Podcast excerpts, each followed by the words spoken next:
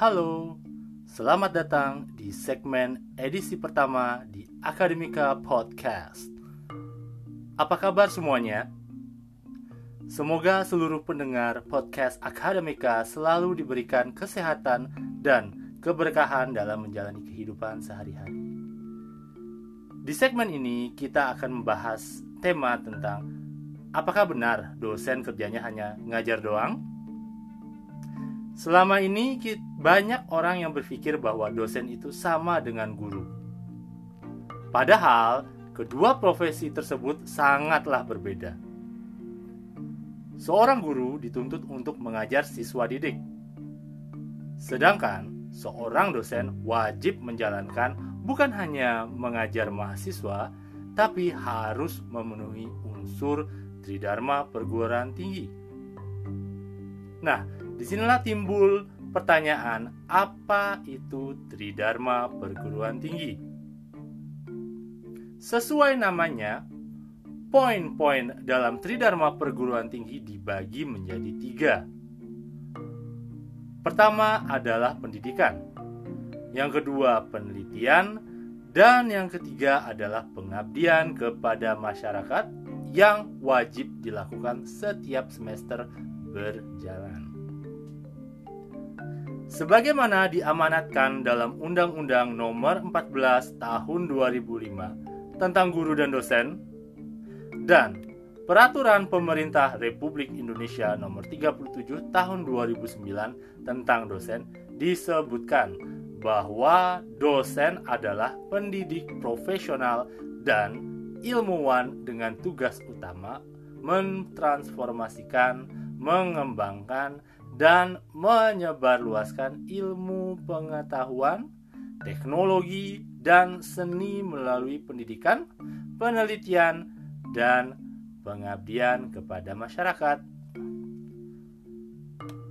So, artinya sudah jelas bahwa anggapan yang selama ini bahwa dosen itu hanya mengajar saja itu adalah salah. Di bidang pendidikan, ternyata banyak sekali list yang harus dan dapat dilakukan oleh seorang dosen untuk memenuhi kewajibannya di bidang pendidikan. Seperti contohnya mengajar minimal satu kelas. Jadi seorang dosen itu bisa dikatakan ia melaksanakan sebuah pendidikan ya jika dinyatakan bahwa dosen tersebut minimal telah mengajar satu kelas. Selain itu, apa yang menjadi kewajiban atau pilihan opsi yang bisa dilakukan oleh dosen di bidang pendidikan, yaitu adalah membimbing mahasiswa. Bimbingan seperti apa yang bisa dilakukan? Contohnya adalah bimbingan KKN, bimbingan tugas akhir, ya, dan bimbingan akademik. Lalu di bidang pendidikan, seorang dosen pun juga dapat membuat buku ajar. Di mana buku ajar ini dapat digunakan untuk keperluan pengajaran di kelas. Di mana buku ajar yang dibuat ini akan dipakai oleh mahasiswa selama berjalannya pengajaran satu semester. Nah, itu merupakan contoh dari bidang pendidikan yang dapat dilakukan oleh dosen. Nah, yang kedua apa? Yang kedua adalah di bidang penelitian. Dosen harus melaksanakan penelitian seperti menulis artikel ilmiah yang nantinya akan diterbitkan di jurnal nasional maupun internasional. Nah, biasanya para dosen selalu berlomba-lomba dalam meningkatkan kapasitas publikasinya secara kualitas maupun kuantitas. Ya. Dengan menimba, menerbitkan jurnal bereputasi, maka pamor dari dan nilai dari dosen tersebut akan terangkat. Jadi ibaratnya dengan menerbitkan jurnal-jurnal internasional yang bereputasi ini, maka nama dosen tersebut akan harum dan akan banyak dikenal sehingga otomatis relasi-relasi yang yang bisa didapatkan oleh dosen tersebut semakin banyak. Ya. Oke, baik. Di bidang pengabdian pada masyarakat, seorang dosen wajib melaksanakan minimal satu kegiatan pengabdian kepada masyarakat setiap semesternya. Contohnya seperti apa kalau untuk pengabdian?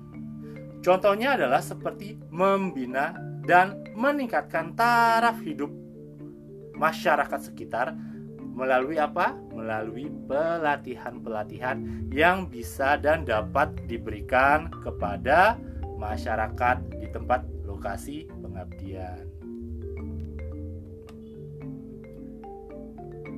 Nah, selama ini dosen itu ada dua tipe jenisnya. Yang pertama adalah dosen tetap. Dan yang kedua adalah dosen keliling ke mana-mana. Ya, atau disebut juga yang sering kita dengar itu adalah dosen honorer. Nah, apa bedanya antara kedua dosen tersebut? Yang pertama adalah dosen tetap punya tanggung jawab untuk melaksanakan Tridharma perguruan tinggi. Nah, sedangkan dosen tidak tetap atau honorer tidak memiliki kewajiban Tridharma perguruan tinggi. Nah, inilah mungkin asal-usul anggapan bahwa dosen itu hanya mengajar aja. Ini mungkin didapatkan dari para dosen-dosen yang keliling ini. Ya, atau dosen honorer ya sehingga banyak orang yang beranggapan bahwa yang namanya dosen itu hanya mengajar saja. Padahal tidak sesimpel itu dosen tetap punya kewajiban yaitu Tridharma perguruan tinggi.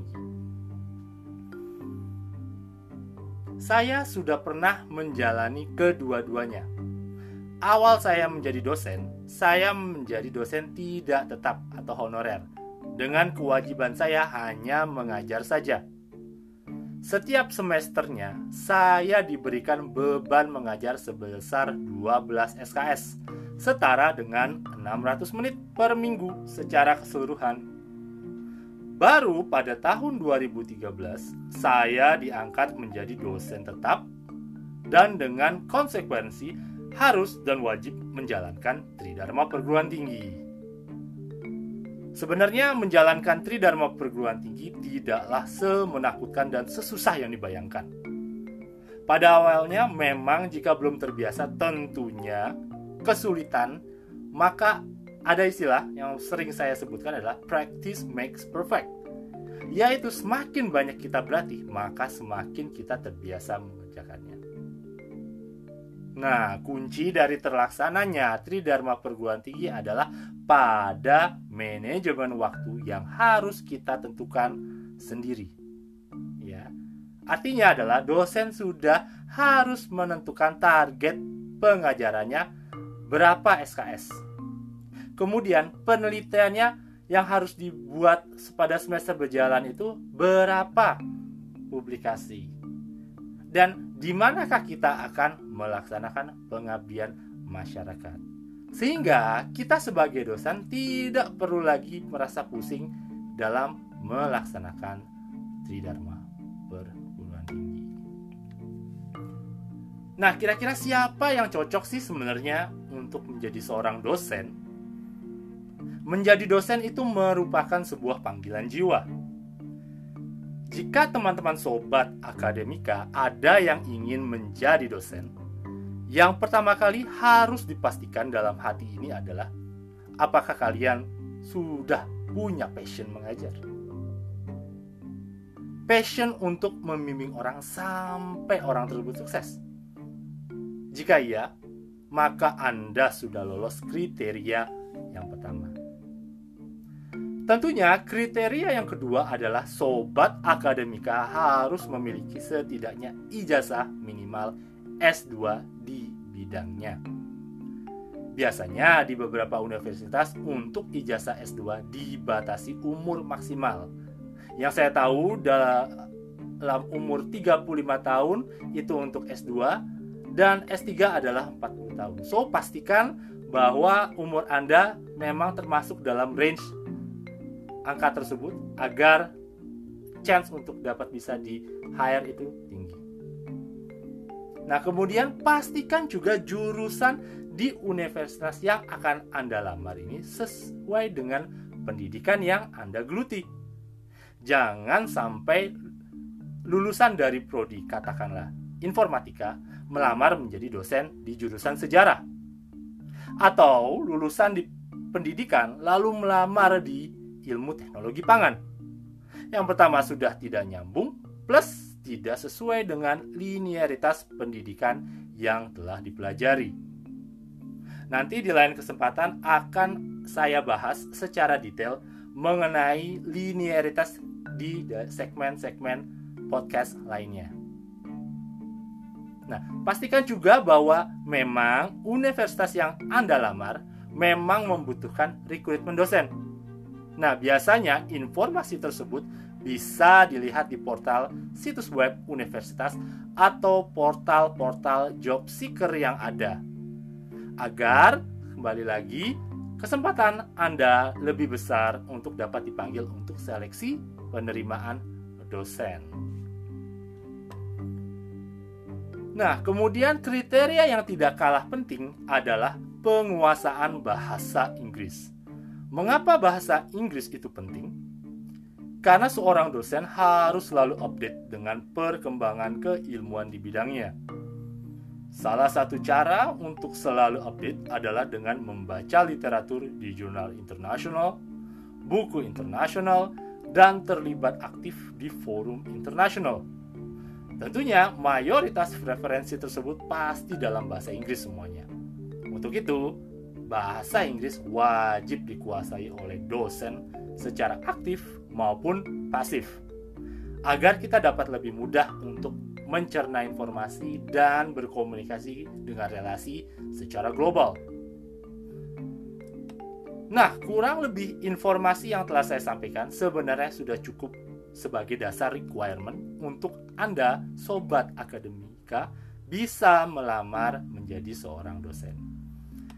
Terima kasih atas waktu yang telah disempatkan oleh sobat akademika dalam mendengarkan segmen ini. Jangan lupa untuk tetap follow podcast Akademika karena akan ada banyak topik lainnya yang lebih menarik seputar kegiatan Civitas Akademika. Untuk minggu depan kita akan membahas bagaimana cara mendapatkan NIDN dosen di Indonesia. Sampai jumpa minggu depan dan salam akademika.